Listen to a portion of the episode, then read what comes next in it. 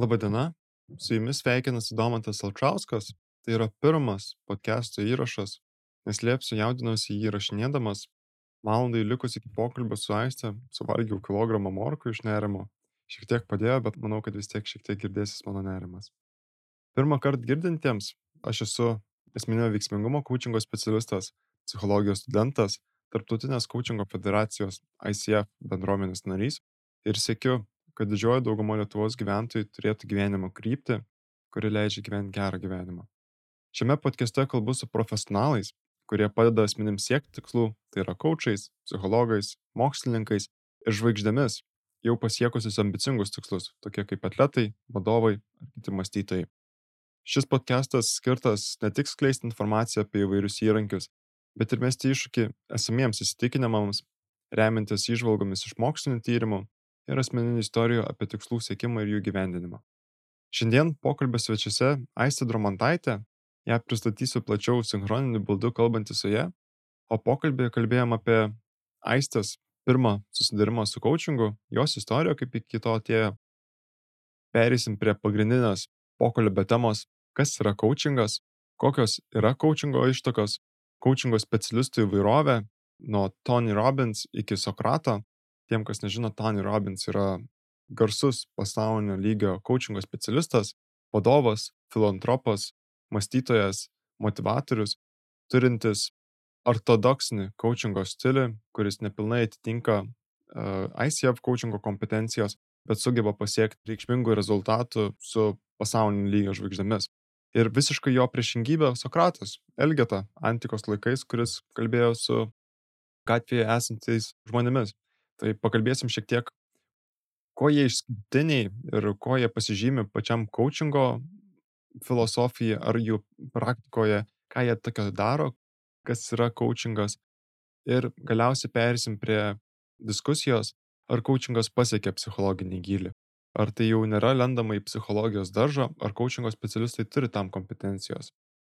Taip pat atsiprašau už mano prastą garso kokybę įrašų metu. Pakeičiu mikrofoną tikiuosi, kad bus bent jau pakenčiama klausyti šiam kartui. Tai tiek iš tokio asinchroninio pranešimo. Džiaugiausi pristatydama savo pirmą podcast pokalbį su Aiste. Linkiu gero klausimo.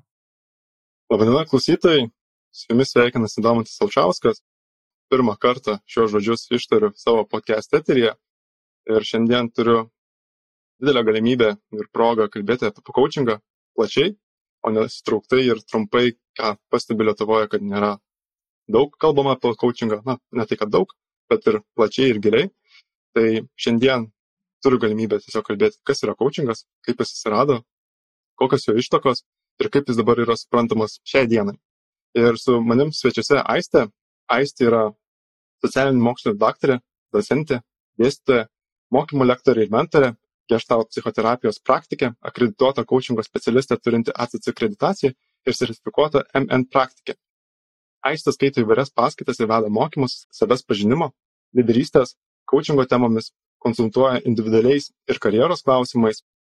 Pagrindinės aistės tyrinėjimų sritis yra organizacinė elgsena ugdomasis konsultavimas ir vadovavimas kitaip žinomas kaip koučingas lyderystė karjeros planavimas efektyvus bendravimas ir bendradarbiavimas lygios lyčių galimybės.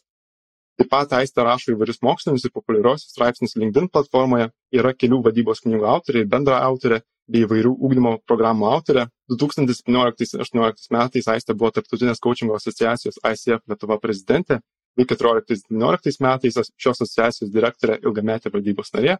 Šalia profesinės veiklos yra trijų vaikų mama.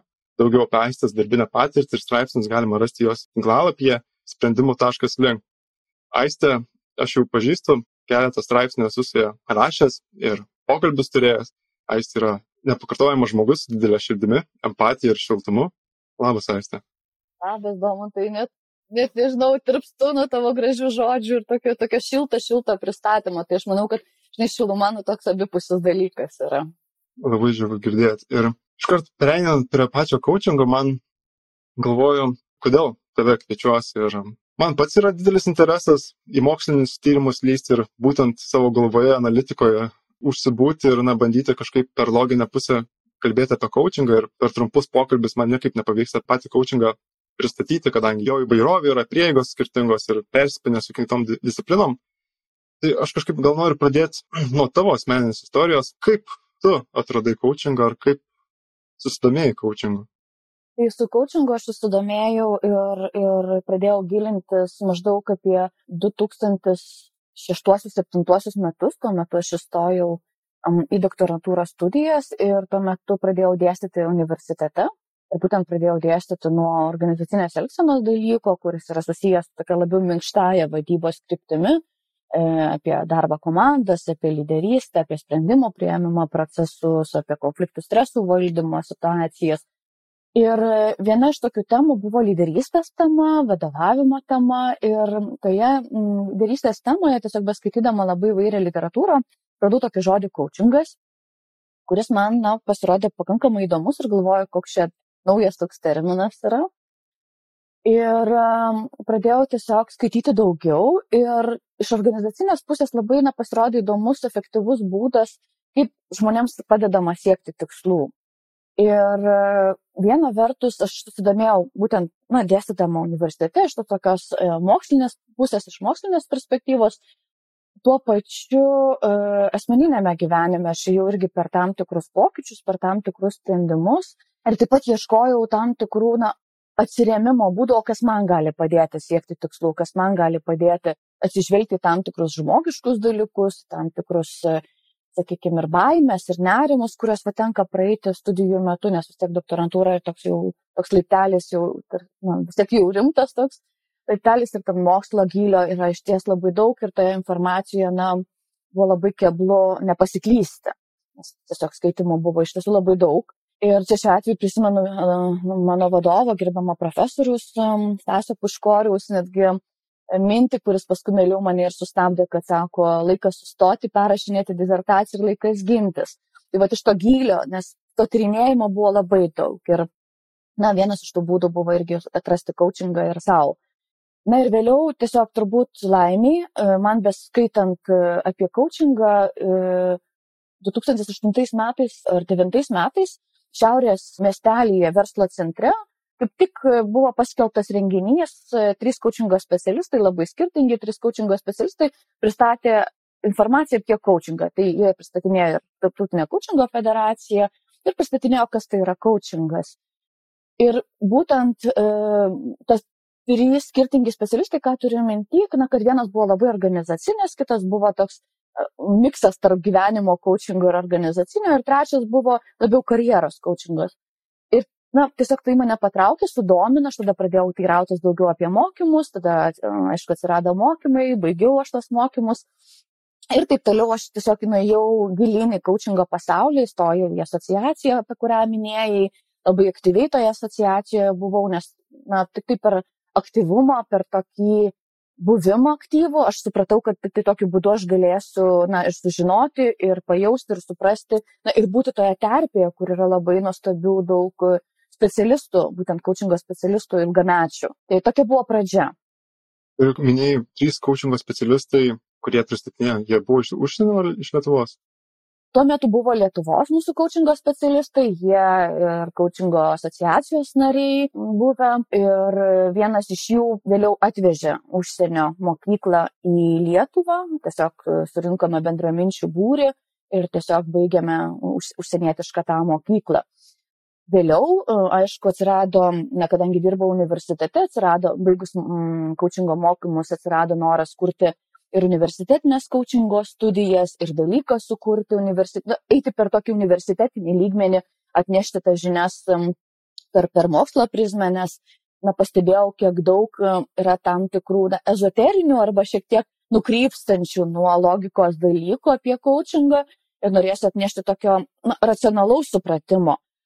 Bet kuo aš labiau gilinuosi į coachingą, na, tiesiog aš, ne, kaip sakyti, išskiriu tam tikrus dalykus kaip organizacinį ir gyvenimo coachingą, bet kiekvienas iš jų turi savo specifiką, savus niuansus, nu, turbūt gal mes jeigu dar juos aptarsim, tai nenoriu užbėgti už akių, bet tiesiog tai vystėsi toliau mano įvairiausiai veikloje, knygose, straipsniuose ir panašiai. O tau dabar svarbus coachingas? Coachingas iš tikrųjų tapo mano tokiu um, gyvenimo būdu, E, tokia gyvenimiška filosofija, todėl kad tiek taikydama savo asmeninėme gyvenime, tiek dirbdama, na, dirbdama kaip dėstytoja universitete, aš pastebėjau, kad na, man netinka tokie tradiciniai būdai, kad aš ateinu auditoriją, perskaitau savo raštus, tam, tam tikrus konspektus sudarytus ir išeinu, ne, neturėdama, neužmėgsdama jokio kontakto su studentais arba su, su, su žmonėmis, su kuriais dirbu. Ir aš pastebėjau, kad man patinka ir užduoti klausimus, klausti, bendrauti, ieškoti tų atsakymų drauge. Ir, nes kiekvienas, na, atėjęs žmogus jis ateina su savo patirtim ir ta jo patirtis leidžia kiekvieną dalyką suprasti, na, jo keliu, jo būdu.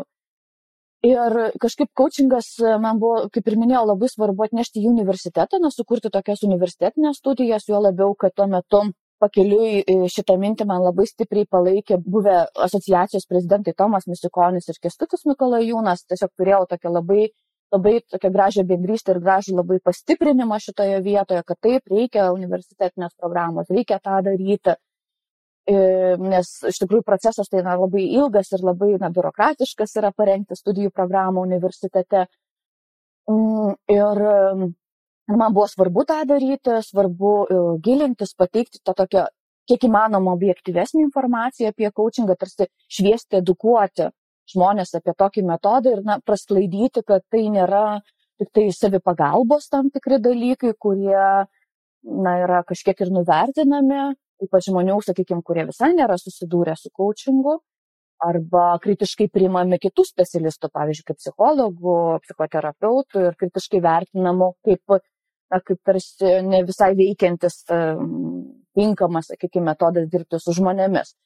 Tai noras yra tarsi atnešti tą tokią coachingo šviesą, atnešti tokį žinojimą, supratimą apie tą coachingą ir, kaip ir minėjau, jį pritaikyti savo kasdieniniam gyvenime, nes na, ta filosofija, tas bendravimas, išklausimas, buvimas kartu su kitu žmogumis labai daug atveria įvairių galimybių. Aš mačiau tavo, ar tai prieš mėnesį ir prieš du buvai dalinasi studentų grįžtamojo ryšio apie tavo studijų programą ir labai nustebau, kad man atrodo ten virš 95 procentų išreiškė pasitenkinimą, ar kad labai stipriai patiko tavo dėstymas dalykas. Ar tai priskiri būtent prie coachingo pritaikymo studijų programos vedime? Mm, ir taip ir ne. Turbūt gal taip aš atsakyčiau, todėl kad e, dalykas pats yra irgi coachingas, arba kitaip tariant, ugdomasis vadovavimas. Pats dalykas jau yra atnešamas studentams ir turbūt būtų, būčiau batsiuvys be batų, jeigu būtent tą dalyką dėstyčiau kažkaip kitaip, negu būtent mesgant tą ryšį, užduodant klausimus, mokantis tam tikrų technikų, metodų, įrankių ir apskritai integruojant tai savo gyvenimą. Ir turbūt tas metodas, tas bendravimo būdas, tas kalbėjimo būdas ir turbūt, na, vėlgi, noras na, turėti tą santykį, tą ryšį su žmonėmis, kad perduoti tą na, kiek įmanoma teisingesnė žinutė man yra svarbu. Mm, taip kartais studentai sako, kad aš labai jau stengiuosi daug ir per daug kartais bandau paaiškinti, kad jie taip viską suprastų teisingai ir matyt labai noriu nešti tą tokią didelę atsakomybę už tai. Bet sakau, na geriau turbūt daugiau negu mažiau. Tai čia vienas dalykas, o antras dalykas, kodėl aš atsakiau na, klausimą ne, nes didžiąją dalim priklauso nuo tų žmonių, kurie mokosi, nuo jų priklauso tai irgi atsakomybė, ką jie pasiima. Ir man na, iš tiesų jau labai na, pasisekė, kad tiek šito kurso atveju, tiek kitais kurso, su kitais kurso dalyviais na, pasitaiko žmonės, kurie yra iš tikrųjų labai žingeidus, kurie nori imti, kurie, kurie dalyvauja e, studijose ne dėl pliuso kažkokio tai ten diplomo, bet būtent magistro studijose yra tokios, kur žmonės jau ateina dėl savęs, dėl tam tikrų žinių patobulinimo, kad galėtų organizacijose ir karjeros laiptais kilti, kažką daugiau sužinoti apie kokius metodus. Ir man pats geriausias, na, turbūt rezultatas įvertinimas yra ne tie procentai, vat, kuriuos paskui, aišku, na, formaliai mes turim mokslo metų pabaigoje gauti ir pasižiūrėti, na, kiek tinka va, tas vedimo stilius, kokybė, dėstymas ir visa kita. Bet turbūt didžiausia vertė yra tai, kad na, grįžta studentai, pavyzdžiui, po kokio savaitės, dviejų seminarų ir sako, žinai, pritaikiu šitą metodą savo darbe ir jisai veikia. Arba padariau tokį ir tokį pratimą ir man buvo labai įdomu, nes va pasirodo, kokius rezultatus aš gavau. Tai va tas turbūt yra didžiausia vertė, kad žmonės išdrįsta pabandyti patys, užsikabina už to ir turbūt, na čia toks gaunasi gerąją prasme užkrėtimas to coachingu ir toks perdavimas, kad va žiūrėkit, jisai veiksmingas yra ir tai nėra jokia, jokia mistika, tai įrankiai ir, ir, ir pats tas metodas. Gan įprasta girdėti, kad taip greitai, kad tas išvalgas perkelia į savo kitas gyvenimo sritis, nes man kažkaip visą laiką tokias asociacijas, kad seminarai ir ten universitetuose, kurie vyksta, na, grinai, jau praktiniai dalykai, tai jie tiesiog ir pasilieka akademinėje aplinkoje, kad tai, ką praktikavom, grįžtamo ryšio išsakymo būdas, ar tai emocijos, na, kažkaip irgi, ar tai kritikos pasakymo, kaip tai pasakyti, neužgaunant kito, tai atrodo, papraktikuoji ir jau pasilieka tai akademinėje aplinkoje. Ir man iš tikrųjų nuostabu girdėti, kad net ir tas įžvalgas iškart jau pritaiko, sakykime, darbinėje aplinkoje ir mato iš to rezultatus. Nereikia jau šešių metų psichoterapijos ar tai psichologijos, vien kad psichologo galėtum praktikuoti psichologiją, kad gali po vieną ar dviejų seminarų jau eiti kaip Sokratas ir klausinėti kitų ir gauti iš to rezultatus.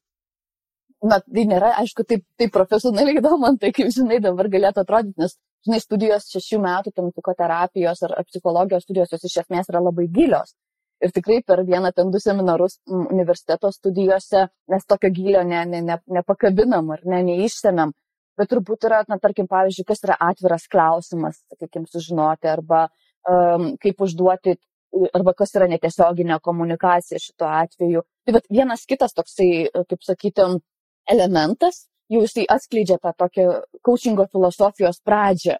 Nes uh, visiškai teisingai sutinku su tavim iš esmės, kad uh, na, coachingo taip greitai per greitus kursus išmokti neįmanoma. Mes galim teoriją išmokti, ta prasme, atkalti kažkaip ar ne, išlaikyti ten testą teoriškai ir panašiai, bet visa ta praktinė dalis, kaip e, santykiai su žmonėmis, bendravimas, kalbėjimas, e, pastebėjimas tam tikrų dalykų tarp eilučių ir panašiai, na, ne, tikrai ne per, per, ne per vieną, ne per du seminarus tą darom ir na vėlgi tai yra tiktai toks kaip sakyti įžanga ir toks fragmentas sakykim taip ir jeigu žmonės paskui vėliau užsikabina jeigu jiems įdomu jie tada randa ir tą literatūrą randa ir ir ir informaciją ir kartais būna atskirai parašo pavyzdžiui dirba organizacijoj ir ir rašo atskirai man ir klausia aiste va dabar domiuosi tokia tema ar galėtum man parekomenduot ką paskaityti arba galbūt ta tema kažką dar žinai na ir toks labai gražus ryšys užsimesga, kur, kur sakau, man turbūt ta didžiausia vertė yra va,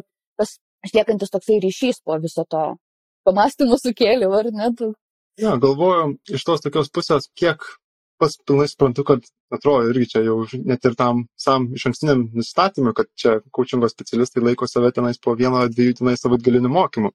Ir aš galvoju, kuo tas coachingas yra ypač efektyvus, kaip jis tai gali, pavyzdžiui, na, perkelti į darbo sferą taip lengvai ir aš galvoju, kad būtent čia reiktų iš tikrųjų pakalbėti, kas yra coachingas iš, iš mhm. pradžių, bet manau, kad vien pats toksai nežinojimo būsenos prieimimas, vietoj to, kad patarimus duotum ar tai kažkaip savo nuomonę stumtum, nežinau, kolegomis ar kažkaip irgi sakytum, ką čia, nežinai, kaip čia daryti, va, nueini ten tą pasidarai ir viskas, ir turi rezultatą. Ir galvoju, kad, na, vien toks toksai net išbandymas vietoj to, kad tiesiog patari, o išklausai apie ką žmogus, na, su kokiais iššūkiais susiduria ir padėjimo jam atrasti, kokius sprendimus gali imtis ir kažkaip net ir vietoj to, kad nurodytum, nors ir esi gal vadovas ar dar kažkoks aukštesnysis, tai vietoj to, kad nurodytum kažką padaryti, bet bendradarbiavimo principų sustartume, kokiu rezultatu norim pasiekti ir kodėl tai yra svarbu. Tai aš galvoju iš tos tokios principo, kad net ne, nereikia čia gilių studijų, kad tos tokius principus pritaikytum ir man atrodo, jeigu iki tam tikrais metodais, aišku, reikia praktikos, kad vien ir juos taikytum, ne taip lengva yra užsičiaupti ir klausyti kito žmogaus ir negalvoti apie tai, ką, koks tavo bus kitas klausimas ir pilnai išgirsti, reikia praktikos. Bet galvoju, kad e, patys tie coachingo principai į, į veiksmą orientuoti ir labai greitai atneša rezultatus. Tai natūraliai perinant jau nemažai laiko kalbam apie, apie coachingą, ne, nepašnekėję, kas yra coachingas ir galvoju, gal pats geriausias būdas pradėti nuo to šnekėti, kas yra coachingas nuo pat pirminio jo atsiradimo taško, nuo jų ištakų. Tai aistė, ar gali kažkaip pasidalinti, o gal tavo nuomonė, kokios yra coachingo ištakos ir taip einant lygiai taip, kaip šiandien yra suprantamas coachingas. Mhm. Tai turbūt taip, labai, labai gražiai tu čia um, prieėjai prie to, nes iš tikrųjų mes kalbam apie coachingą, bet nekalbam, kas tas yra coachingas, ar ne? Tai mano supratimu, man, mano filosofijoje coachingas yra pokalbis tarp dviejų žmonių, tai yra procesas, ir mm, tame pokalbyje mes padedam kitam žmogui pasiekti tam tikrų tikslų, atskleisti jo turimus išteklius, atskleisti jo turimą potencialą. Dažnai žmonės sako, kad bet kuris pokalbis, va, kaip ir mūsų pokalbis, sako, o ko jisai nekaučinginis pokalbis, žinai? Tai man tada šitoj vietoj padeda tokie trys esminiai aspektai - atskirti paprastą bendrą pokalbį tarp dviejų žmonių, mielą, malonų pokalbį tarp draugų nuo kaučinginio pokalbio, tai vienas dalykas yra, kad pokalbio proceso metu visas pokalbis sukasi apie tą kitą žmogų, na, jis tampa svarbu, ar ne, jeigu aš esu kaučas, o kitas yra mano klientas, tai jisai yra svarbus. Antras dalykas, pokalbio metu pavyksta kažkokią vieną mažą dalytę, ne, tai nebūtinai niekas nekalba apie šimtą procentų, bet vieną mažą dalytę, e, dalytę pakeisti šiek tiek arba įnešti kažkokio naujo perspektyvos matymo, išmokti kažkokio tai naujo požiūrio kampo arba tiesiog šiek tiek sukelti tam tikrą samoningumo, pažadinti. Tada tokiu būdu na, žmogus gauna tam tikrą naudą savo. Ir trečias dalykas, e, per pokalbį žmogus gauna tam tikrą rezultatą, kurio negautų jokių kitų būdų. Tai yra, jis galėtų gauti, tarkim, lankydamas pusės metų kursus, galėtų gauti naudą, žiūrėdamas tam tikrus video, galėtų perskaitęs krūvas knygų, bet, tarkim, su specialistu, va, profesionaliu coachingo specialistu pasikalbėjęs, jis tą valandą jau gali gauti tam tikros naudos, išvalgų ir išsinešti tą rezultatą.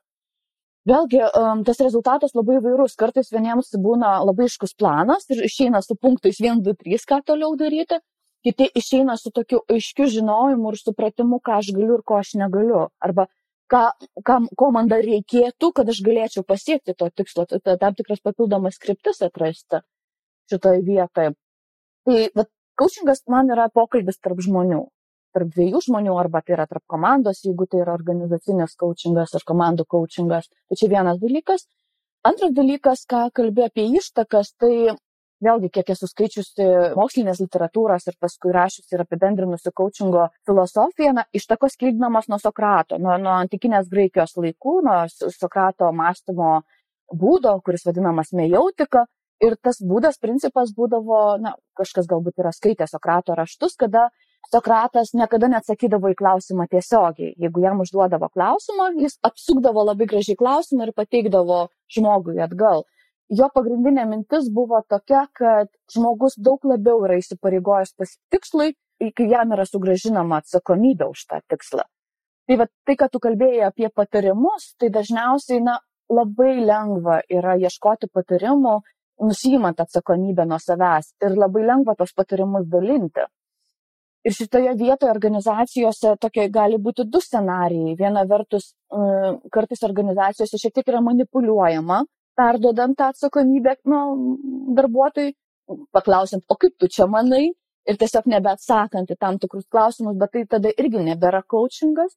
Iš kitos pusės yra tam tikri dalykai, na, tos, na, tos tiesioginės komunikacijos, kur mums reikia duoti tam tikrą patarimą. Na, jeigu žmogus daro labai tokius tikslius labai tokius aiškiai apibrieštus dalykus, nu, tarkim, kaip pagaminti duris ar pagaminti batus. Na, tai yra tam tikra logika veiksmų, kur reikia pasakyti patarimą, ką po ko daryti, kad gautųsi tas gražus batas.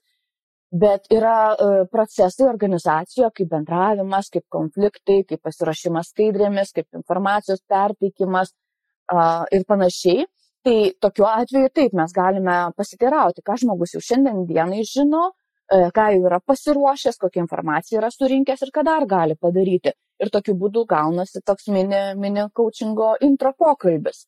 Tai sugrįžtant prie ištakų, tai kildinant nuo Sokratų ir gražinant atsakomybę kitam žmogui ir ne vėliau coachingo metodas iš esmės buvo labai stipriai e, implikuotas būtent Anglijos universitetuose, kada dėstytojai padėdavo laikyti studentams egzaminus ir jie būdavo vadinami tam tikrą prasme coachingo specialistais, tai reiškia iš taško A į tašką B. Žodžiu, padeda persikelti, perkeltinę prasme kalbant, išjudėti, žodžiu, ir pasiruošti ir sėkmingai išlaikyti egzaminus.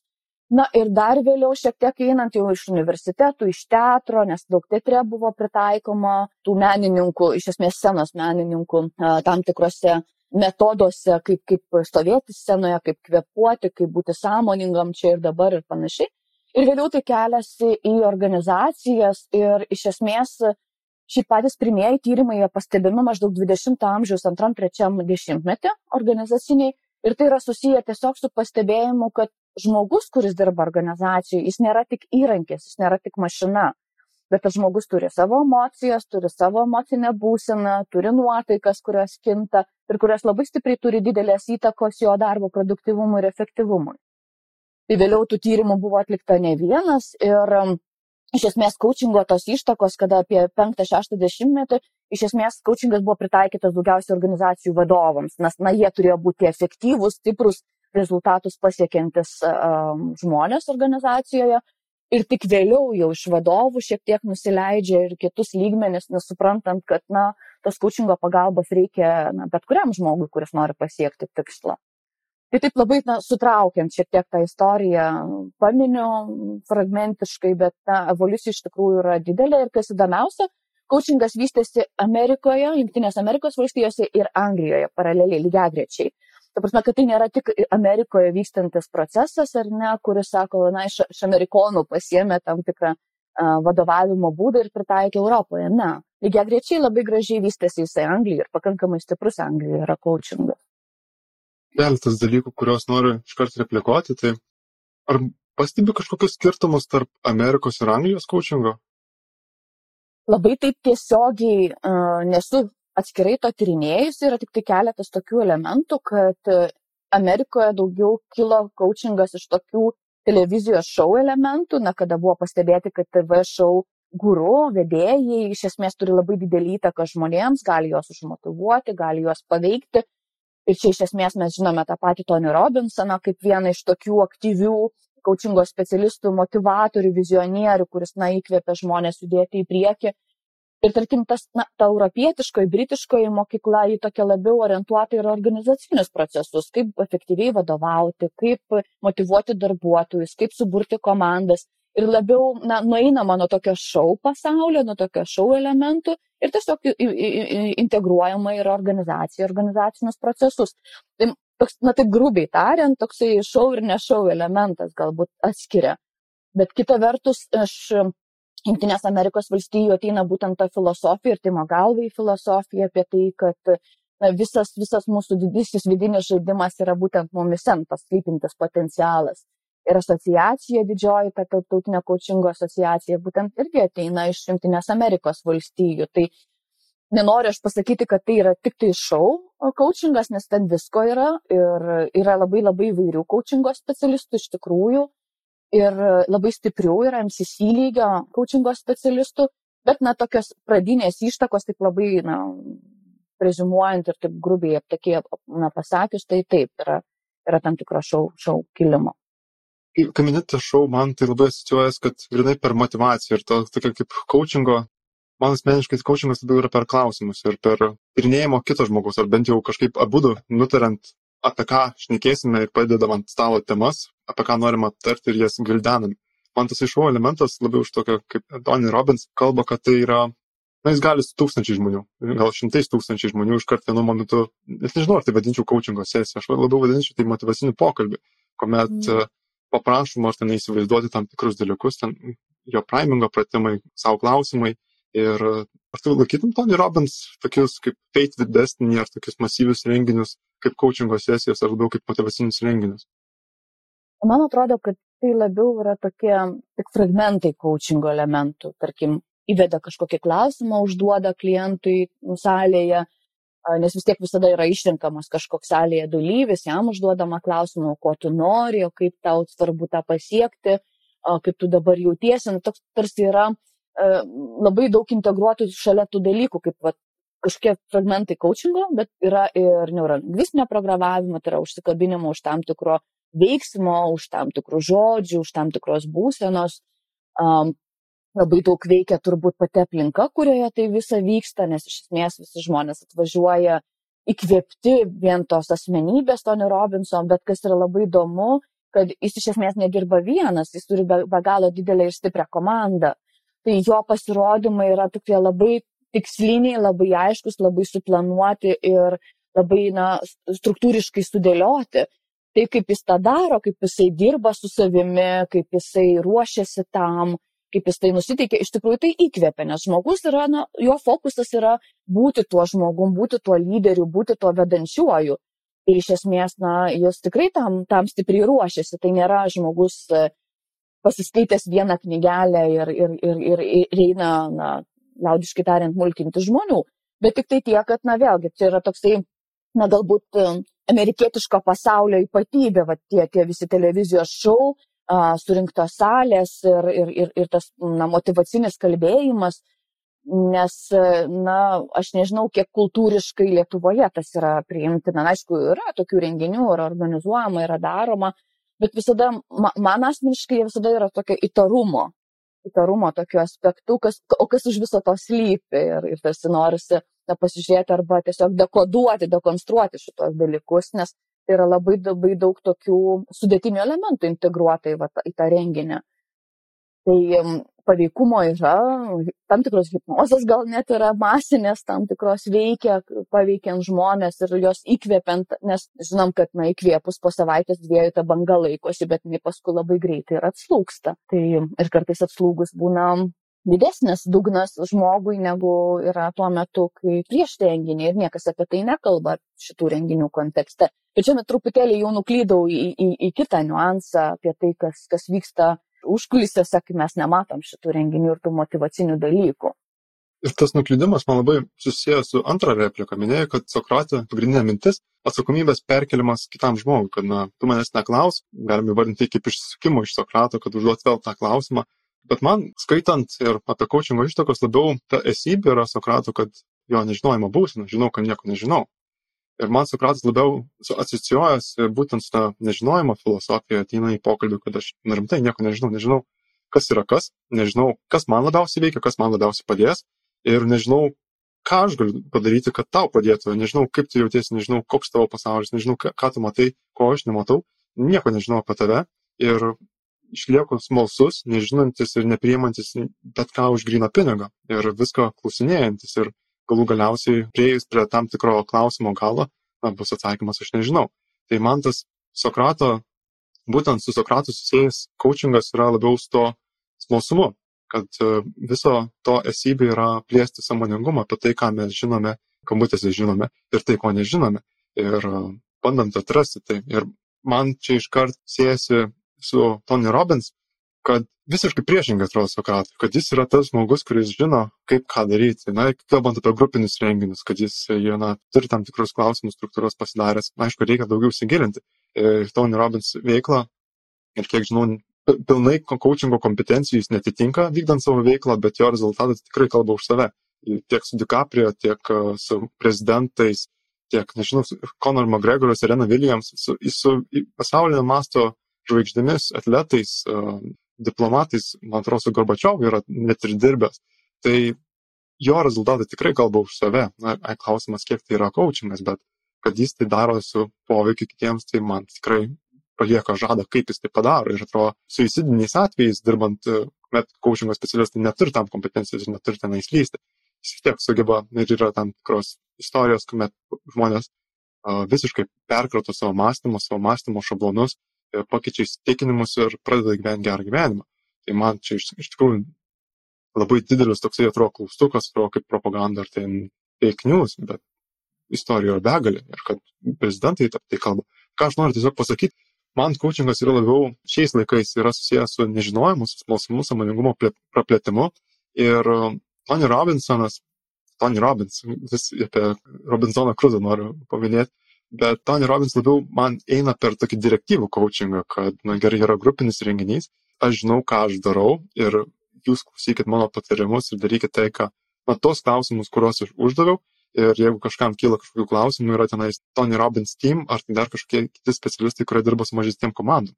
Tai man asociuojasi tokie kaip du kraštutinumai, kur Sokratas, aš nieko nežinau, Tony Robbins, aš žinau, kaip kažką padaryti ir tai yra formulė reaguodama į tavo šitą mintį, man iš karto na, sukasi vienas toks dalykas.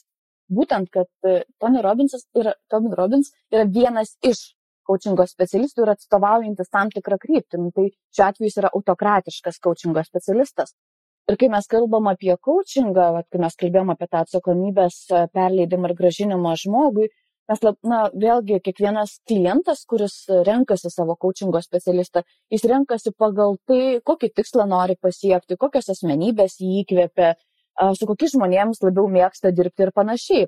Ir tarkim, jeigu Tonis yra labiau auto, auto, e, autokratiškas, toksai autoritariškas, netgi, sakykime, coachingo specialistas, kuris nurodo, kuris žino, ką daryti, tai yra kiti coachingo specialistai, demokratiško tipo ar ne, holistinio tipo, kurie labiau perleidžia tą atsakomybę klientui arba perleidžia kitam žmogui ir sako, kad ne, ne tik aš žinau, bet ir tu žinai, arba mes kartu žinome ir, ir galim tos procesus kartu tyrinėti ir ieškoti tų tikslų rezultatų. Tai čia turbūt e, prie ko mes prieinam, kad na, tas coachingo pasaulis, iš tikrųjų, coachingo specialistų pasaulis jis yra toks irgi pakankamai platus. Ir jeigu mes pradedame na, tyrinėti, kas yra coachingo specialistai, kokie jie yra, kaip jie dirba, na, mes sutiktume labai begalį įvairiausių asmenybių. Ir turbūt čia šitoje vietoje labai svarbu, na, savo įsinešti tokį iškumą, kad pirmiausia, na, mes, man aiškiausia yra tuomet, kai aš kalbu arba apie organizacinį coachingą, ir tada aiškiai tokia yra struktūra, kas jame veikia, ir tada apie gyvenimo coachingą, kur gal mažiau yra to apibrieštumo, bet daugiau laisvės interpretacijoms.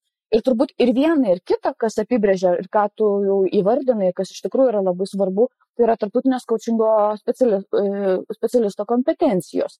Tai reiškia, kad na, turi būti laikomasi tam tikro etikos kodekso, turi būti laikomasi tam tikrų taisyklių bendravime, turi būti laikomasi konfidencialumo, turi būti vedama tikslo link ir panašiai. Na, yra tam tikra irgi struktūra, kuri, kuri šiek tiek įrėmina tą coachingą ir na, leidžia suprasti, kas jis toks yra mes galim, na, vėlgi, tyrinėjant tą coachingo pasaulį, matyti visko, labai daug, kartais sakyti, kad o tai yra iš tikrųjų coachingas, ar tai jau nebėra coachingas. Ta bejonė kyla dažniausiai, kaip ir minėjau, susiduriant būtent su gyvenimo coachingu, Ir šitoje vietoje na, atsiranda na, nemažai, nemažai painiavos. Bet kaip ir minėjau, tada reikia įsivesti tam tikrus vietos struktūrinius savo um, na, elementus ir pagal tai bandyti savo įsivardinti. Aha, tai atliepia jau coachingo filosofiją, ar tai jau yra kažkas šalia coachingo, bet jau nebėra coachingo metodas kaip toks. Aš galvoju, ar matai kažkokią bendrą esybę tarp net ir šių kraštutinių coachingo variantų, nes yra kokios coachingo kryptis - gyvenimo coachingas, vadovo coachingas, organizacijų coachingas.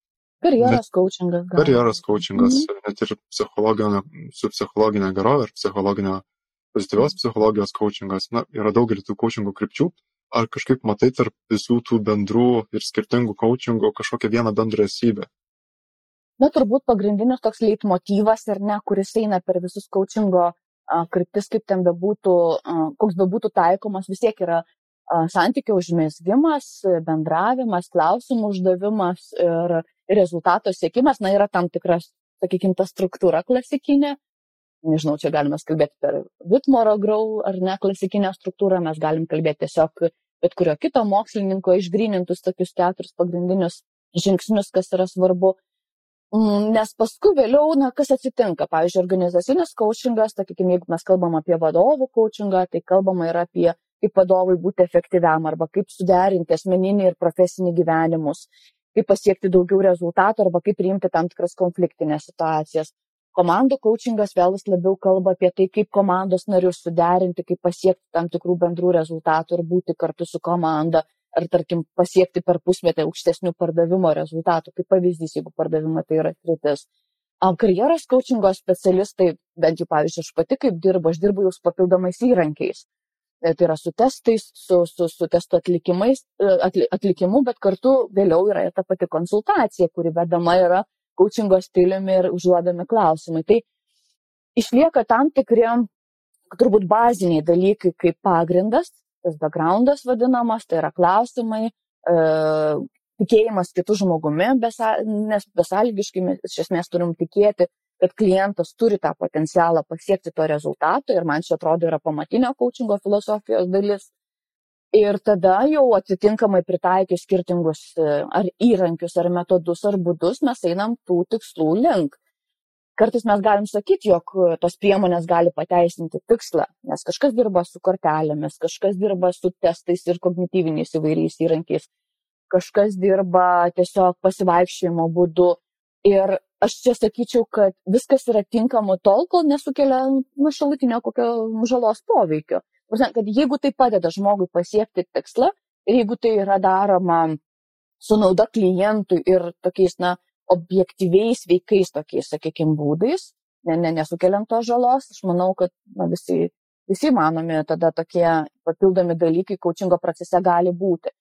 Tai vėlgi čia šiuo atveju klientas renkasi, nes vieniems yra priimtini labai racionalūs dalykai, na, susėskim maistą, pakalbėkim apie ABCD ir man daugiau nieko ten nereikia. Ir mes kalbam apie ABCD ir labai aiškiai struktūruotai dėliojasi pokalbis. Ir yra žmonių, kurie na, labiau yra einantis per emociją, labiau einantis per uh, na, kitus dalykus, ne per racionalumą. Ir tada vėlgi, na, prisitaikius prie kliento būdo, prie jo, prie jo tempo, temperamento, kalbėjimo, sakykime, stiliaus, ieškomi, o kaip čia šitoje vietoje. Ir galbūt čia metafora labiau tiks, tas žmogus turi labai lakę fantaziją ir vaizduotę. Galbūt tiks piešimas tam tikras, at, nupiešti kažkokią tą savo viziją ir panašiai. Tai čia turbūt irgi yra uh, kūrybiškumo lygmuo coachingo specialistui kartu, priklausomai nuo to, kok, koks klientas jį pasirenka. Tai yra, na, tai yra abiejų žmonių, va, tų dviejų žmonių santykis ir jau to santykio kokybė vat, nulėmė, kaip, kaip tas procesas vyks. Čia girdžiu tavo coachingo esybės apibrėžimo neatsiejama nuo kitų disciplinų, nuo karjeros, vadovavimo, gyvenimo ar tik kitų gyvenimo sričių, kur na, yra tam tikros disciplinos. Ir man atrodo sunku, man, pavyzdžiui, būtų įsivaizduoti, jeigu aš nieko apie coachingą nesu girdėjęs ar domėjęsis, tai kur coachingas, na, sakykime, jeigu paėmėm vadovų ar tai organizacijų coachingą, kur baigėsi būtent padėjimas siekti bendrų tikslų, kur baigėsi vadovavimas ir kur baigėsi coachingas. Ir turi ar tai aiškės ribas, ar kaip atskiria, ko skiriasi coachingas nuo vadovavimo būtent tokiam kontekste. Na, vėlgi, sugrįžtam turbūt prie to pagrindinio coachingo apibrėžimo, ar ne, nuo ko, nuo ko mes irgi pradėjome mūsų pokalbį, kad coachingas tai yra pokalbis. Ir vadovavimas tai gali būti, na, vadovavimas vėlgi ir anglų kalboje, kai yra management ar ne, jis gali būti skiriamas į kontrolę ir į vadovavimą. Tai iš esmės vadovavimas tai yra na, nurodymas, tai yra vadybinių funkcijų išpildymas. Tai reiškia ir, ir motivavimas, ir kontrolė, ir sprendimų prieimimas. Ir tai yra susijęs su kitais žmonėmis. Šiuo atveju coachingą mes gražinam pačiam vadovui. Na, tarkim, jeigu tai yra santykis ir pokalbis su vadovu, tai kaučingo procese mes ne jam vadovaujam, ne jis kažkam vadovauja, bet tai yra dviejų žmonių, lygiavertiškų žmonių susitikimas, kuriame vadovas sako, žinai, va, paskutiniu metu turiu tiek daug įvairiausių darbų, tiek daug įvairiausių projektų. Ir tiesiog jaučiu, nu, kad kažkur nebejau, na, na, nebe, nebepagaunu tos prasmės, bet jausmo arba tarkim, turiu vieną projektą, bet nežinau, noriu jo imtis ar nenoriu. Ir sugrįžtame vis tik prie asmeninių jau vadovo klausimų. Ir šiuo atveju mes nebekalbam apie vadovo, galim kalbėti, aišku, ir apie vadovo vadovavimo stilių, jeigu tai yra jo uh, pokalbio klausimas, bet mes sugražiname fokusą į patį žmogų, į patį vadovą. Ir tada tokiu būdu mes ieškom uh, būdų, kaip atskleisti tą tikslą būtent jam, kaip pasiekti tų rezultatų būtent na, vadovui na, o vadovavimas jis išlieka jau iš, išmokęs, kaip pasiekti savo tikslų, jau tada vadovas eina vadovauti organizacijai, jau tada jis perneša kitus dalykus į organizaciją ir toliau deleguoja, planuoja, nurodinėja, kažkokia yra tam tikra kontrolė ir, ir kitos funkcijos. Na, aš, aš tokia pabandyčiau tokį skirtumą gal vėlgi įvesti, kad, na, to būtų iškesnės, nes, na, coachingas iš esmės, na, mes galim jį vadinti šiaip ugdamoju vadovavimu, nes, na, lietuvių kalboje mums yra labai sunku su tuo terminu, Bet aš sakyčiau, ugdomasis vadovavimas man labiau yra susijęs tokiu vadovų coachingu ir tada mes ugdome, mokome, ugdome tam tikrų na, dalykų vadovą, tarkim, samoningiau žiūrėti tam tikrus dalykus arba tiesiog suprasti tam tikrus dalykus, ko aš nematau apie save, nežinau, kaip aš kažką darau, nes e, aš tarp kitko irgi dirbu su viena uh, deep lead arba transformacinės lyderystės įrankiu. E, su vadovais, su organizacijom. Ir man labai patinka šitas, šitas įrankis, nes jis irgi yra moksliškai pagrystas. Jisai sako, kad mes negalim pakeisti žmogaus, bet jeigu vadovas pastebi tokį dalyką, kad jo veiksmai nebesukelia norimų rezultatų, vadinasi, kažkas yra ne taip su jo elgesiu, su jo veiksmais. Iš atveju mes nekeičiam žmogaus, bet mes ieškom būdų, ką jis netaip daro, kad nor, na, tas siekiamas elgesys nebeduoda tų norimų rezultatų. Ir šiuo atveju mes dirbam su pačiu vadovu, su jo komanda, su jo, su jo žmonėmis, su jo aplinka, nes aplinka, kaip ir kalbėjom, turi didelės įtakos, kaip vadovas dirba, kaip jis jaučiasi to organizacijai. Ir tokiu būdu ieškam, kaip jam būti tokiu geresniu vadovu, efektyvesniu vadovu, nes tas, na, gerumas tokia sąlyginė savoka yra. šituo atveju, bet tarkim, jeigu jūs ten labai stipriai kontroliuojate, tai kaip mažiau kontroliuoti ir iš kur ta kontrolė kyla, jeigu jis mažiau komunikuoja, kaip daugiau komunikuoti su savo komanda, nes galbūt komandai pritrūksta tam tikrų vat, pagirimų, kažkokių taip tokių poros fragmentų, elementų ir panašiai. Tai, na, coachingas labiau su vadovui susijęs tą tokiu tiesioginiu darbu su vadovu. O vadovavimas, kaip ir minėjau, jau persikėlė į pačią tolesnį jau procesą ir, ir, valdymą. Man skamba, kad ypač jeigu coachingo specialistas yra na, jau turintis akreditacijos sertifikatą, tai na, ateina iš išorės, sakykime, žmogus dirbti su vadovais, tai man labai aišku, kad gerai, čia vyksta coachingo sesijos, kad čia gerai padedam tau siekti bendrų organizacinių tikslų, ar tai asmeninių tikslų, ar tiesiog spręsti iššūkius, su kuriais šiandien susiduri. Tai man labai aišku, čia yra išorinis partneris, coachingo specialistas ir turim tą tokį pokalbį. Kai vadovai taiko viduje coachingo dalykus ir labai dažnai girdžiu, kad pas mumis yra coachingo kultūra, kad mes čia naudojamės coachingu ir paklausiu, kaip tas coachingas atrodo, man tai labai skamba, kad tiesiog tu užsiemi ekspertinį vaidmenį, vos ne kaip daktaras, kad užduoda klausimus, kad išsiaiškintum, kur problema ir tuomet patikė sprendimą, ar tai kažkokias konsultacijas teikti. Ir aš nesakysiu, kad daktaras ar tai šeimos gydytojas mane coachina, kai aš esu pas jį palatoje. Tai man tai sunkiau yra įsivaizduoti, kaip vyksta pats vadovo coachingas įmonės viduje, nes ypač dabar net ir pastebiu, kad toksai labiau šiltesnis, artimesnis ryšys tarp kolegų atsiranda, kad jau vietoj jūs tu ir uh, tokie labiau pokalbiai tarp draugų ar taip, tarp kolegų, bet ne tarp vadovo ir darbuotojo. Ir man atrodo, kad toksai galbūt ir net iššūkis būtų pasakyti, ei, mes dabar turėsim coachingo sesiją, mes, aš noriu grinai suteikti dėmesį tave, plėsti tavo samoningumą, atkreipti dėmesį į tavo įsitikinimus, kurie gali būti riboti ir, na, žiūrėti, kaip tai galima žiūrėti juos auginančius ir, na, bandysime kažkokį, kažkokį rezultatą iš to gauti, ar tai veiks, ar tai nauja išvalga, ar dar kažką. Man skamba, kad tai yra didelis iššūkis ypač vadovams viduje, prisėsti prie savo darbuotojų ir pasakyti, va, čia bus coachingo sesija, kad čia yra tokios ribos, kad aš bus, man bus rolė tokia. Ir labiau man tai skamba, kad tiesiog bus pokalbis su draugu kad jeigu jau tasai klausimai bus uždavinėjami, tai jie bus tiesiog coachingo stiliaus klausimai, nu, nebus coachingo sesija. Ar tu irgi matai tokį kaip ir sunkumą apibriežti, ar tai matai tokius pat iššūkius vadovams, taikant coachingo įmonės viduje? Čia labai nu, geras tavo pastebėjimas yra šitoje vietoje, nes iš tikrųjų organizacijų viduje na, kyla labai daug tokių klausimų, o tai kaip mes šitą coachingą galim iš tikrųjų taikyti, ar mes iš tikrųjų coachingą taikom, ar dar kažką.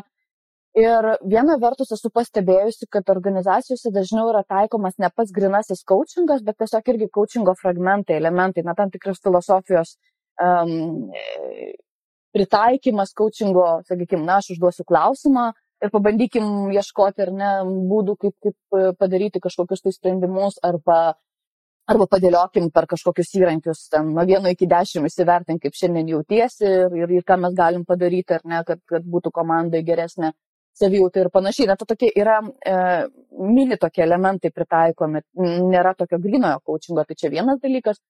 Antras dalykas, Michael Downey yra rašęs savo knygoje Efektyvus coachingas apie tai, kad dažnai organizacijos yra taikomas tas vadinamas koridoriaus coachingas ir ne, kad tiesiog prabėgom, pra, prabėga tarp keli, e, keli kolegos tarpusavyje ir, ir, ir persimeta porą žodžių paklausdami, kaip tu, ką darai, ar, ar užtenka resursų, ar jeigu neužtenka, ar čia tai reikia mano pagalbos, nereikia ir taip toliau ir panašiai. Tai toks mini pokalbis vyksta, bet tai irgi nėra visos grinasis tas coachingo pokalbis valandos trukmės. Ir trečias elementas, kas yra, tai dažniausiai organizacijose coachingas yra taikomas na, tam tikrais atvejais, nes vėlgi, na, coachingas nėra panacėja, tai nėra vaistas nuo visų lygų. Ir man labai patiko, kai dabar neatsiminsiu, kokiam šaltinė suskaičiusi, bet iš esmės organizacijose coachingas yra taikomas tam tikrais atvejais. Tarkim, norime uh, ugdyti tam tikrus talentus organizacijoje ir ugdydami talentus mes norime juos skatinti, auginti, motivuoti. Jiems yra pritaikoma coachingo uh, kryptis ir coachingo pokalbiai. Norime, uh, tarkim, padėti darbuotojui, kuris buvo labai produktyvus, labai efektyvus, labai geras, bet kažkas atsitiko tarsi jis sugedo ir tarsi sako, dabar reikia jį pataisyti. Čia toks būna žargonas, aišku. Bet sako, kas atsitiko, kad va, pradėjo vėluoti arba laiku nebepadaro projektus. Tai tokiu būdu samdomas yra kočingo specialistas atrasti va, tuos, tuos, e, tuos, tas priežastis, kas, kas čia nutiko. Taip pat kočingo specialistai yra uh, samdomi darbuotojams, tarkim, čia pandemijos metu labai daug, kadangi tenka bendradarbiauti su viena amerikiečių įmonė Modern Health, jie samdo būtent kočingo specialistus darbuotojams, na ir darbuotojas tiesiog tarkim, labai daug jaunų darbuotojų, kurie gauna darbą arba pandemijos metu nežinojo, kaip suvaldyti tam tikras situacijas, patyrė labai daug nerimo, tarkim, e, išėjo į nuotolį, blogai jautėsi, nes tada staiga yra atskirti nuo kolektyvo. Tai tokiam palaikantiems pokalbėms, na, pasidėlioti mintis. Tai iš esmės, ką aš noriu to pasakyti, kad na, tai nėra taip, kad dabar ateina coachingo specialistas iš išorės arba išsiugdo vidinį coachingo specialistą ir dabar visiems iš eilės be jokios atrankos bus taikomas coachingas, ne, taip nėra.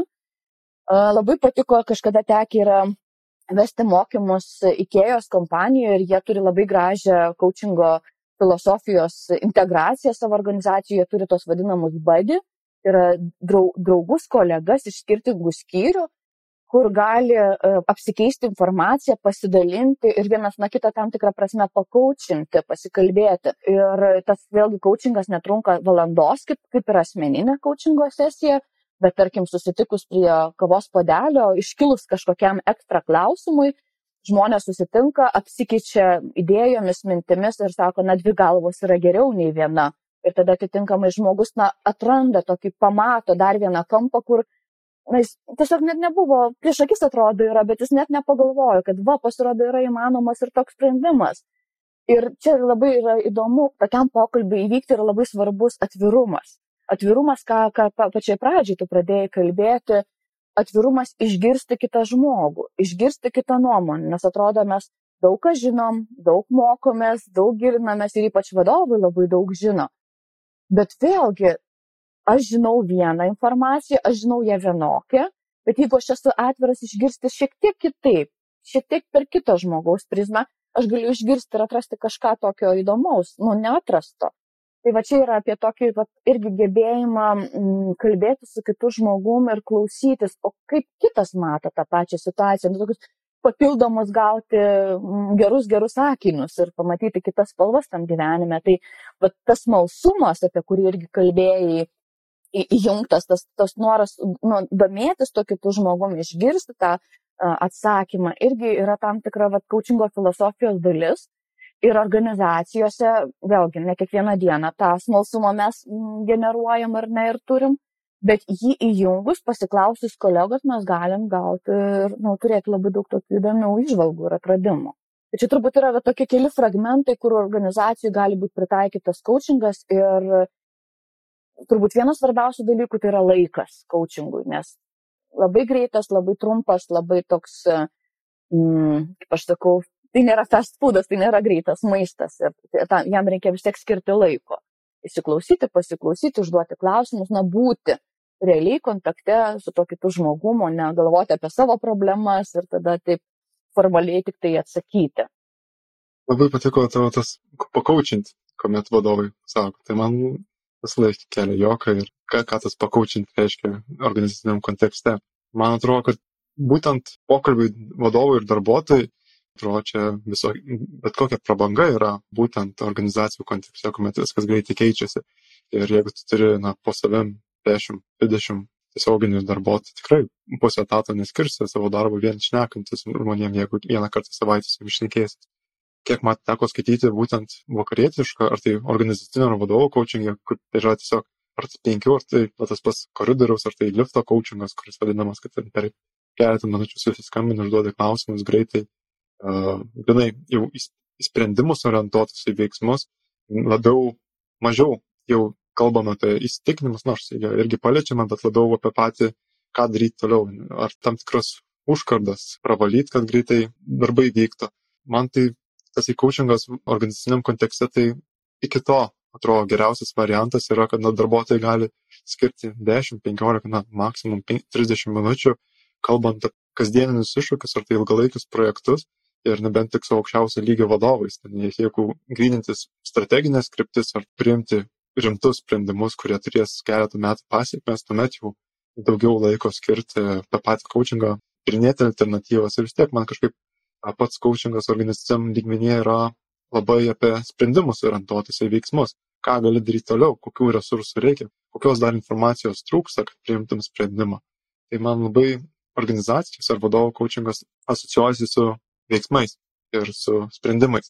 Ir minėjai apie patį gyvenimo coachingą, kuris paprastai po valandos trukmės sesijos trunka. Kokius skirtumus tu matai gyvenimo ir vadovo coachingė? Turbūt vienas iš tokių dalykų, ką, ką jau ir, ir vardinai, tu ir šiek tiek anksčiau pati minėjau apie tą tokią struktūrą. Vėlgi, žinau, kad yra kai kurios live, tos vadinamo gyvenimo coachingo sesijos, kurios kartais trunka ir daugiau negu vieną valandą, būna dvi su pusė ir, ir, ir trys valandos, ir e, būna savaitgaliai tam skiriami, kaip retrytai tie vadinami ir panašiai įpinant papildomus įvairius elementus. Tai um, aš žinau iš tas tokios, um, galbūt, tos um, metodinės, sakykime, pusės, kad turbūt intensyvus galvojimas, kuris trunka valandą laiko, yra labai sekinantis ir valanda yra pats tas, na, ten netgi 50 minučių yra pats tas laiko tarpas, kuriam, na, jeigu iš tikrųjų yra dirbama, pakanka e, susidėlioti tam tikroms išvalgoms, mintims ir atrasti tam tikrus sprendimus, nes po dviejų su pusę valandų žmogus tiesiog gali būti jau jaustis labai labai pavargęs ir nebe, nebeturintis jokios motivacijos, ką nors daryti, išsekęs. Tai tas optimalus laikas, jisai šiek tiek įrėmina tą pokalbį, mm, individualų pokalbį. Kaip ir minėjom, abu kartu kalbėdami, kad na, organizacinis pokalbis niekada netrunka valandą, arba gali trukti, bet tai yra tam tikri išimtiniai dalykai. Tarkim, žmogiškų išteklių specialistų, galbūt e, tų vadinamų įčiarų specialistų pokalbis, sakykime, su darbuotoju, esant kažkokiai kritiniai ten situacijai ar, ar, ar, ar kitokiam situacijom gali toksai būti. Bet gal, kas, kas yra su gyvenimo coachingu ir va, tas skirtumas turbūt, kaip ir minėjau, na, aš bandau tokius įvesti tarsi kriterijus, kaip mes galėtume šiek tiek apsibriežti ir tarsi šiek tiek racionaliai vardinti tą gyvenimo coachingą, bet jis yra sunkiau apibrėžiamas, sunkiau įvardinamas ir sunkiau klasifikuojamas, sakyčiau taip, nes gyvenimo coachingas susijęs, dabar daug kas labai vadina save coachingo specialistais, pradedant miego, kalbant apie mytybos ypatumus, kalbant apie santykius, santykių ekspertai ir coachingo specialistai ir panašiai.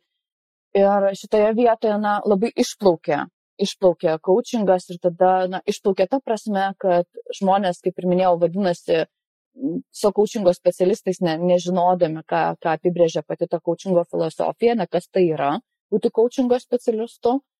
Kitas dalykas, tai tampa tokių mados padiktuotų dalykų, kad tai tarsi madinga yra vadintis tokiu žodžiu ir specialistu, nes šiek tiek klaidina visuomenę.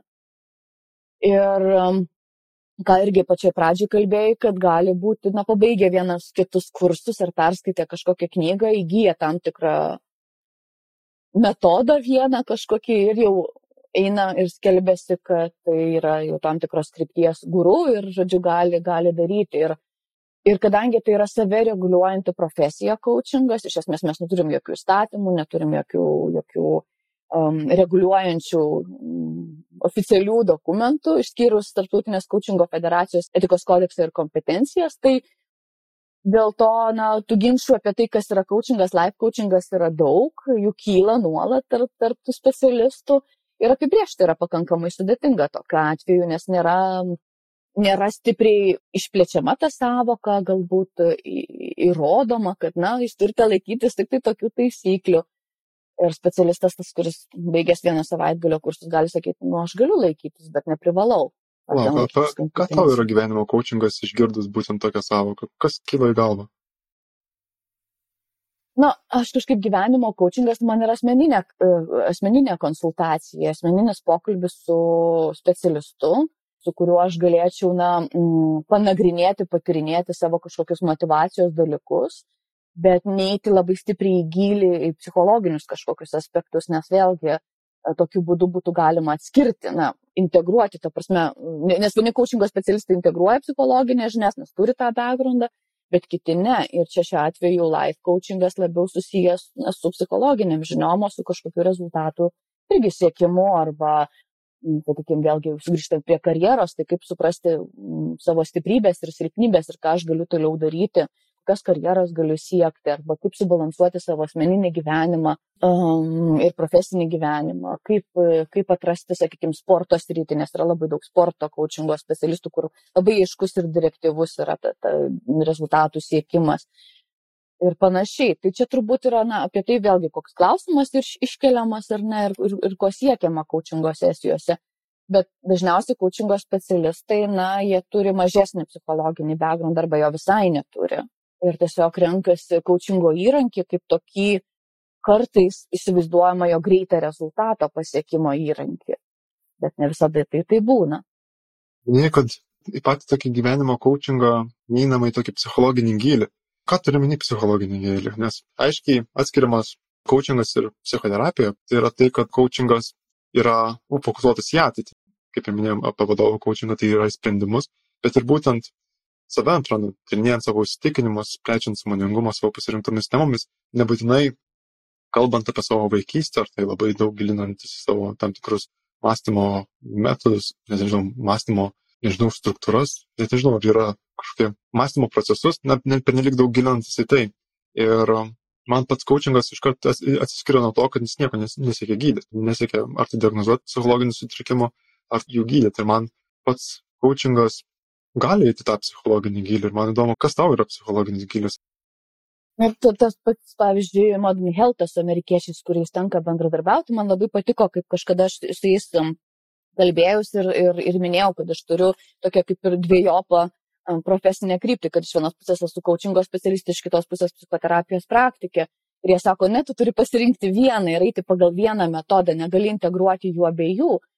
Ir man čia buvo toks na, įdomus momentas, kadangi na, jie labai aiškiai struktūruoja coachingą ir ką tu pasakėjai, būtent tikslo siekimas. Na, tarkim, pavyzdžiui, coachingo sesijoje Ir, na, žmogus pasako apie tai, kad labai sunku pasiekti yra, pasiekti tvarką kompiuteryje. Na, žodžiu, kompiuteryje labai daug failų ant desktopo, labai daug chaoso, daug visko. Bet kai kalbu su žmogumi online, aš matau už jo nugaros idealią tvarką lentynose, idealią tvarką ant grindų, ant sofos ir už nugaros. Ir tada mes galim, na, toks, kabutėse gilis ar nekalbėti, sugražinti žmogų jo realybę ir kalbėti, žiūrėk, bet kaip tu dabar gyveni, vat, kodėl pas tave čia yra tvarkinga, o ekrane nėra tvarkinga ir vat, kam reikia tada tos tvarkos ekrane, nes iš esmės jo niekas nemato. Tai ką aš čia turiu minti, kad iš esmės coachingas, jisai gali kalbėti tik apie tokius pakankamai, sakykime, lengvus klausimus, nes aš nenoriu nuvertinti, nes kažkam būtent ekrano susitvarkymo klausimas, na, yra labai opus, nes nuolat trigerina, na, atsidaro ekraną ir, nu, ir vėl ten netvarka ir tada ne, neįkvėpia žmogaus dirbti. Tai klausimų spektras iš tikrųjų yra labai platus, bet vien, vieni žmonės gali nagrinėtis labai tokius struktūruotus, labai aiškius, labai aiškiai apibrieštus ir čia puikiai dera coachingas, todėl kad jis labai aiškiai tada veda į tos sprendimus, į atsakymus. Ir yra tokie klausimai, kurie, tarkim, na, žmogus uh, negali susirasti niekaip darbo, uh, ieškosi ir pokalbio metu tarkim, na, paaiškėja, kad, e, na, jis turi kokią nors autoriteto baimę, pavyzdžiui, eiti kalbėti su kitais žmonėmis. Ir čia įsijungia psichologinis, e, nu, psichologinio konsultavimo arba psichoterapijos režimas, kad tada mes turime eiti tarsi į vaikystę, tarsi sugrįžti, o iš kur atsirado ta autoriteto baimė ir ar kiekvienas kočingo specialistas gali tą daryti. Čia yra tada klausimas profesinis.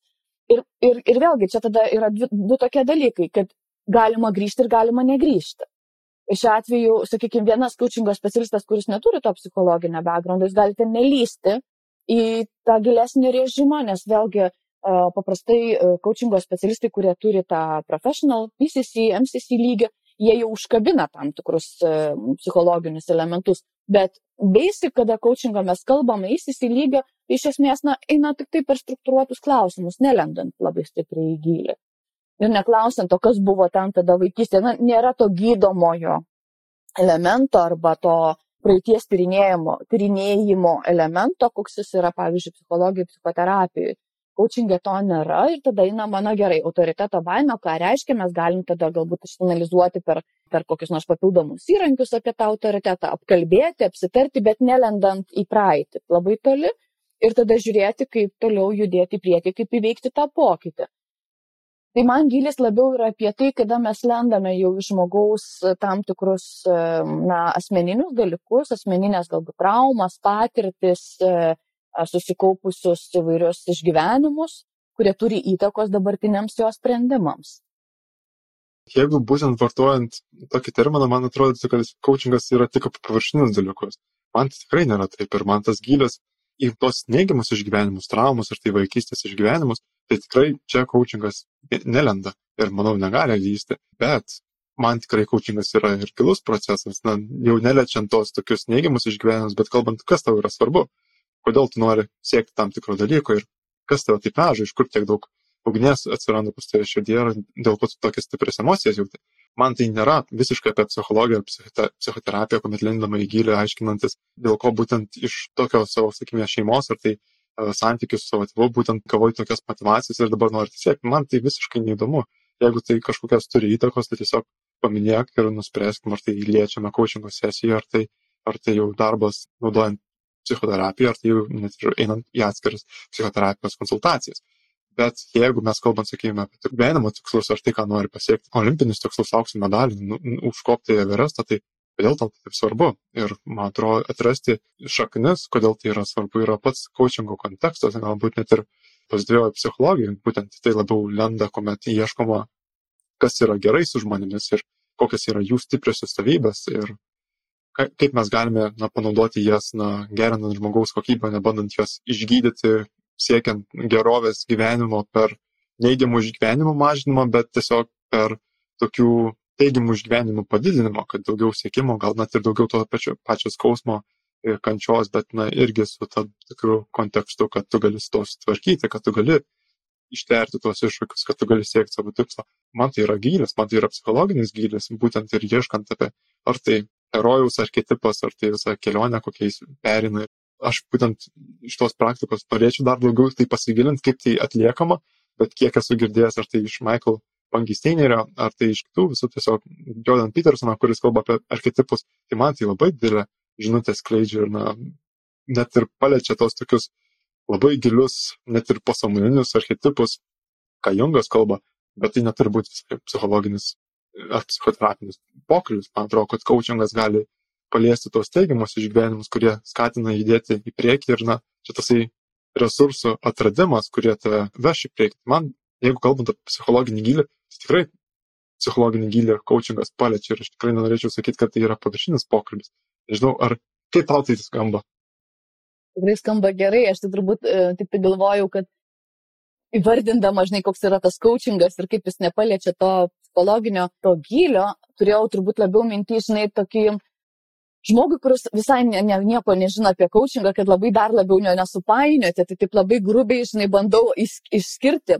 Nes iš tikrųjų, aš su tavim tikrai sutinku, kad kai mes einam jau tada į coachingo gylį, kai mes jau bandome ir esame patyrę coachingą ir jį ištyrinėję ir, ir su juo dirbame, tai taip, tas prasmės klausimas, apie ką tu kalbėjai, ta vidinė motivacija, kodėl aš noriu tą daryti, kodėl man tai yra svarbu, taip, tai yra coachingo gylio na, esmė ir, ir užkabina tą gylį tikrai nėra taip, kad, na, coachingas yra tik tai toks paviršinis pokalbis apie, apie orą, apie, apie, nežinau, kavos poduką, bet, kaip aš ir minėjau. Jie čia gerai, kaip ir minėjai, tie psichologai, psichoterapeutai, kurie skeptiškai žiūri į coachingą, tai man atrodo, grinai mes jų poziciją trumpam buvom pasiemę ir kalbant, kad čia coachingas yra paviršinis ir jokių esminių klausimų negali spręsti. Taip, taip, bet žinai, bet šitoje vietoje matyti ir yra toksai vat, uh, niuansas, kad uh, viena vertus, uh, vienam žmogui labai svarbus yra coachingo klausimas, ateiti į coachingo sesiją ir išsispręsti uh, namo pirkimo klausimą, gyvenimo būsto keitimo klausimą, santykių klausimą, o kažkam gali tai pasirodyti, kaip? Tokius klausimus žmonės sprendžiasi. Ne, tai čia nėra rimtam, čia reikia visos globalios kažkokios tai filosofijos, ne, ir čia yra apie vėlgi na, pagarbą žmogui, su kokiu klausimu jisai ateina tam klientui. Nes vieni ateina tyrinėdami ir iš smalsumo, norėdami pabandyti coachingą, o kas čia toks yra, bet aš pabandysiu atsinešti kažkokį ten tokį visiškai paviršinį klausimą ir tada, na, supranta, kad, na, kokį ten gilį vis tik tai įmanoma yra užkabinti. Nes vėlgi, na, tas pasitikėjimo klausimas jau pradžioje yra labai svarbus. Ir pasitikėti to coachingo specialistu yra labai svarbu. Tai kas čia toks yra, ką jis dabar su manim čia padarys ir panašiai. Tai čia vienas toks momentas, bet kitas momentas e, gilio iš tiesų esama tokiu atveju, jeigu yra sugebama būtent tą santykių užmėgsti ir atsiverti.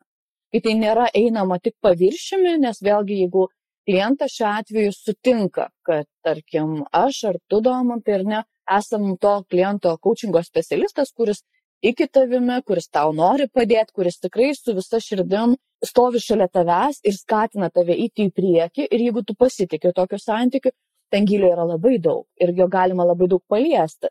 Bet to nepadarys, jeigu pas klientas nenorės to atsiverti, nenorės tą įsileisti į, į, tą, į tą gilesnį kažkokį tai santyki. Ir tokiu atveju, na, tas pokalbis, kaip ir minėjau, na, jis bus toksai apie sprendimus, apie tikslus, apie, apie tam tikrą nueinamą kažkokią tai kryptį ir kelią.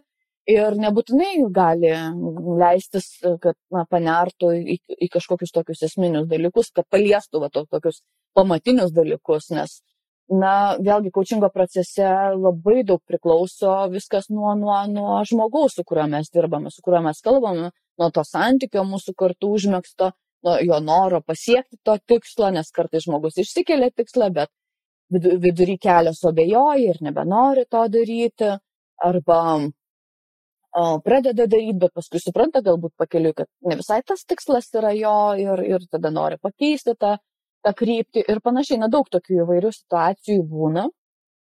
Ir čia šiuo atveju, na, kaip aš sakau, atsakomybė pasidalina. Per prievartą mes nieko neužnorinsim ir to kliento nepriversim norėti to geresnio gyvenimo, kaip aš kaip coachingo specialistas jam matau, arba galiu patarti, arba galiu pasakyti, kad žiūrėk tą ir tą darydamas, na, tu tikrai laimėsi čia yra jau to vat kito būtent žmogaus atsakomybė jo pasirinkimas jo sprendimas nes mes va augame visi labai labai skirtingai e, labai skirtingu tempu ir jeigu sakykim na kaučingo procese aš anksčiau galvodavau kad na susitikus su žmogum pakalbėjus su juo galima vien du trys čia greitai jam pakeisti gyvenimą ir įkvėpti ir jam siekti tų tikslų tai na ilgainiui praktika ir patirtis rodo na kiek daug mes turim įvairių ir įsitikinimų ir kaip minėjai, tų blokų, ir kažkokių kliuvinių tokių, ir, ir, ir pokyčio baimės, ir streso, na ir daug yra įvairių kitų barjerų, kurie kartais sulaiko, sustabdo.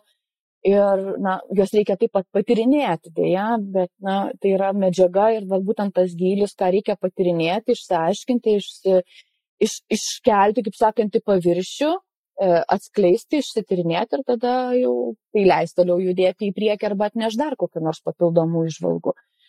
Tai ne, tikrai nenoriu nuvertinti coachingo ir um, tiesiog, kaip ir minėjau, vat, ir pačioj pradžioje, kai buvom pradėję kalbėti, to coachingo yra labai visokio. Ir būtent tas, na, tas toks greitas coachingas, toks, toks paviršinis coachingas, kurį kartais galima rasti ir internetuose, ir, ir, ir, ir viešoje erdvėje, jis gali sukurti tokį paviršinio coachingo įspūdį ir sakyti, kad, na, va, žiūrėkit, mes čia pakalbėjom, viens du išsprendėm gyvenimą, ir taip veikia coachingas, bet na, tai nėra tiesa ir, ir iš tikrųjų na, gražus procesai vyksta tuomet, kai yra tarp dviejų žmonių pasitikėjimas ryšys už uždarų durų. Man atrodo, tasai paviršinis coachingas, kuris gali vykti, tai priklauso ir nuo pačio kliento, koks jis ateina. Ir tiek nuo emocinio išsilavinimo, gebėjimo identifikuoti savo emocijas, noro jas gilintis ir nustebėti savo būseną. Ir atvirumas pirmiausiai tasai ryšys, kuris užsimezga tarp kliento ir specialisto, na, noras atsiverti ir pats toksai kaip ir mąstymo būdas, ar tai įstikinimai, kad noras būti atviras patirčiai, ir jeigu, na, kalbame apie gylius, ar noriu nuspręsti, ką noriu daryti ateityje ir tuomet tiesiog nėra noro visiškai gilintis į savo emocijas, kad ko aš tikrųjų noriu, kodėl man tai yra svarbu, kam čia man kalbėti. Apie tai, tiesiog kažkaip išsirašykim visus galimus sprendimus, bandykim atsirinkti iš to, ką aš noriu daryti, apsibrėžkim rezultatus, veiksmus, nusirodykim ir eikim. Man atrodo, čia toksai, jeigu nėra to noro gilintis į savo emocijas, savo, į savo vertybės, pažiūrėti, kas man iš tikrųjų yra svarbu ir, na, toksai kaip ir tapti pažeidžiamu, atsiverti, kad man čia yra pats svarbiausias dalykas ir, na, aš dėl to labiau, man tai labiausiai rūpi ir aš jaučiuosi prastai, ar tai jaučiu nerimą, kuomet tai negaunu, ar tai ne, neturiu galimybės to praktikuoti, tai tokie pokalbiai, na, tenka turėti su klientais, kuomet jau ateina į tokią coachingo sesijas, tikintis, kad jau pasieks aiškių, reikšmingų rezultatų vien tik susidėliojant e, veiksmų planą. Ar tai gerai pasakyk, ką man reikia daryti ir, na, tuomet kažkaip ir, na, pasiekim to rezultato kartu. Tai man tas gylis niekaip nebus užmesgamas, na, aišku, priklauso nuo pačio ryšio, bet ir nuo pačio kliento, kiek jis yra atviras galimybėm, kiek jis turi emocinį išsilavinimą. Ir dėl to ir žymiai coachingo praktika yra sunkiau paplitusi ar mažiau paplitusi Baltijos šalise. Man atrodo, čia ar tai pati visa sovietinio bloko nuotaikos persiekė, ar tiesiog e, Baltijos šalių gyventojų šaltumas ir priešiškumas psichoterapeutam ar tai emocijom, na ilgą laiką, manau, kad jau šiai dieną tikrai yra gera situacija, bet iki coachingo tai dar labai toli. Tai aš galvoju, kad ne tik nuo pačio žmogaus priklauso, bet ir pati kultūra, ypač Lietuvoje, kad coachingas labai skeptiškai žiūrimas ir priešiškai nus, nusteikima jį ir man atrodo dėl to dažnai ir sunkiau yra turėti gyvenimo pokalbius apie gilį ir žymiai lengviau turėti organizaciniam kontekste, kai yra apie veiksmus, o ne apie asmenybę, mano gilus norius.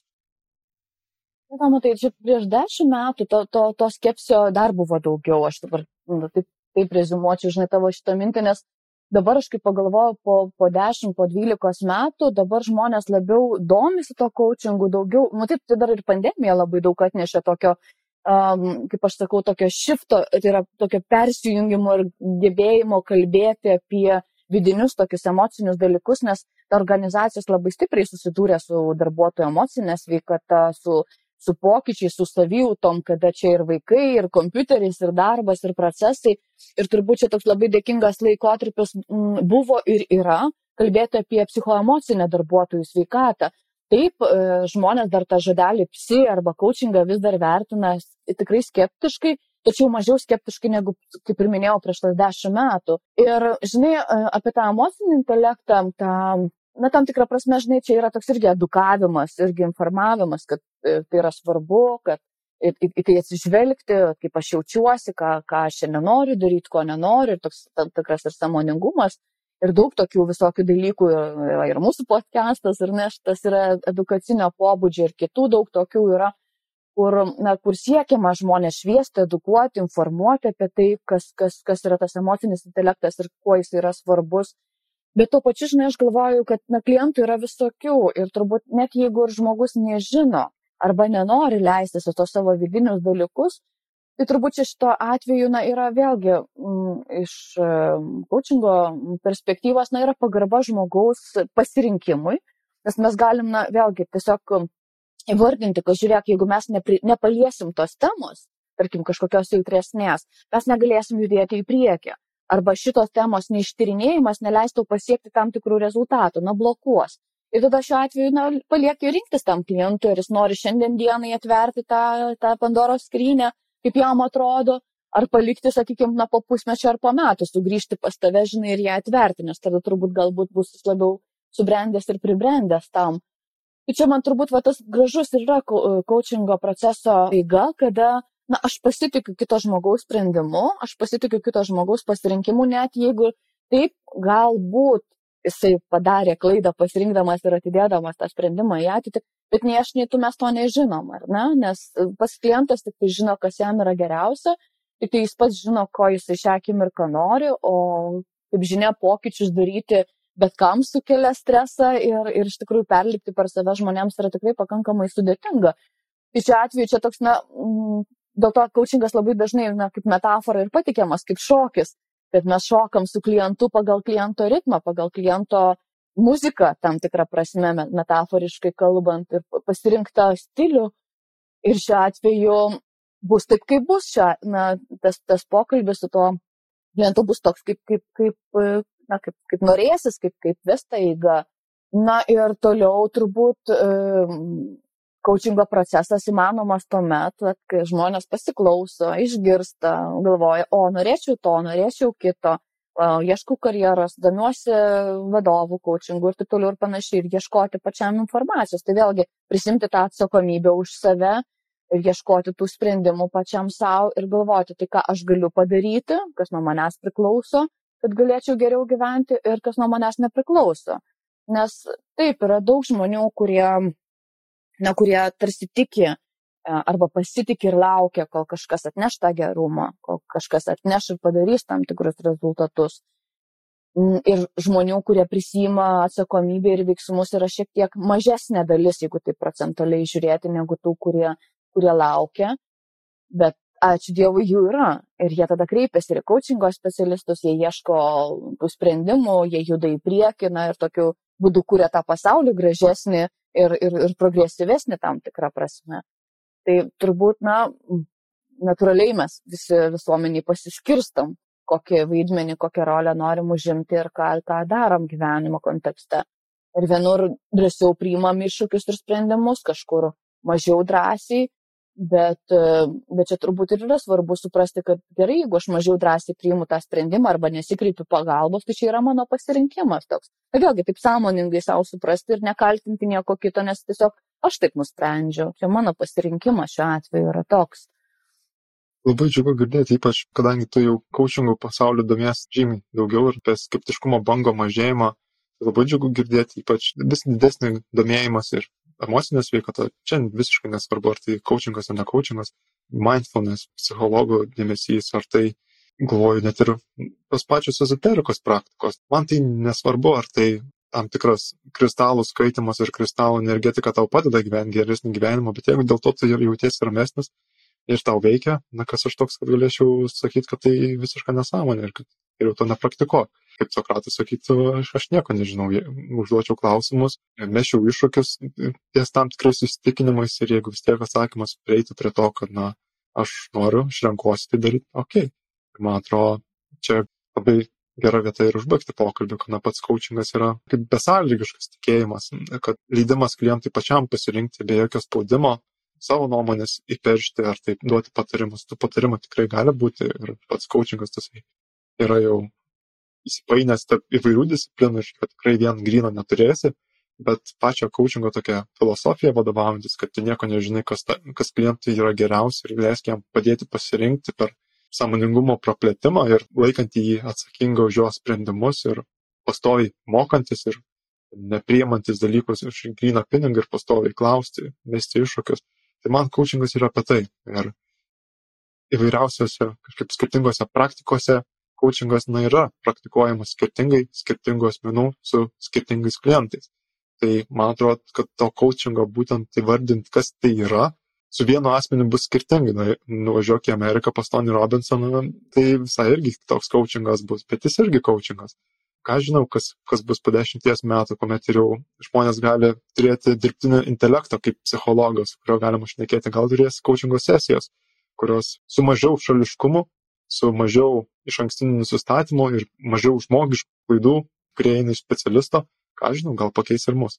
Tai man atrodo, čia puikiai vieta pabaigti pokalbį, ar turi dar kuo nori tu aistę pasidalinti aš prisiminiau tokią Stevo Miteno, jis buvęs 2001 e, e, Tarptautinės kočingo federacijos prezidentas. Jis kažkada tuo metu sakė, kad ateis laikas, kai kiekvienas žmogus e, arba kas antras žmogus turės po kočingo specialistą, kuris padės siekti tų tikslų. Tai, na, panaši ta jo pranašystė kaip ir, kaip ir vyksta, nes iš esmės pasiekti rezultatų, pasiekti tikslų šitam informaciniam pasaulyje, kuriame yra beproto visko daug, na, kartais tampa sunku, Ir iš tikrųjų, na, žmogus nėra visai sutvertas multitasking, tai jis vis tiek na, koncentruojasi mono e, darbo atlikimą ir visame tame straute pasiekti tam tikrų rezultatų ir turėti šalia savęs žmogų, kuris gali padėti, na, tai yra tiesiog na, pasitikėjimas kitų, pasitikėjimas specialistu ir na, leidimas savo tada eiti va tuo sėkmingu, sėkmingu keliu. Ir žmonės, kurie pasirenka tokį kelią, nu, jie niekada nepralaimi iš esmės, tai nėra pralaimėtojo nu, šitoje vietoje niekada. Tai ir vėlgi čia yra kiekvieno žmogaus pasirinkimas, ką jis labiau nori, ar tiesiog nori būti taip, kaip yra šiandien dienai, ar ieškoti atradimų ir laimėjimų, ar tiesiog pasirinkti dar kažkokį trečią kelią, kurio nei aš, nei tu turbūt irgi nežinom. Tai coachingas yra iš tikrųjų toks žadintuvas, toks uh, geras uh, na, skambutis, užduodant klausimą, šiek tiek sujudinant tos vandenis nusistovėjusius ir na, leidžiant savo šiek tiek na, pabėjoti, o ar tikrai šiandien aš gyvenu taip, kaip aš noriu, ar tikrai aš, e, mano veiksmai, ką aš darau, veda mane tikslo link.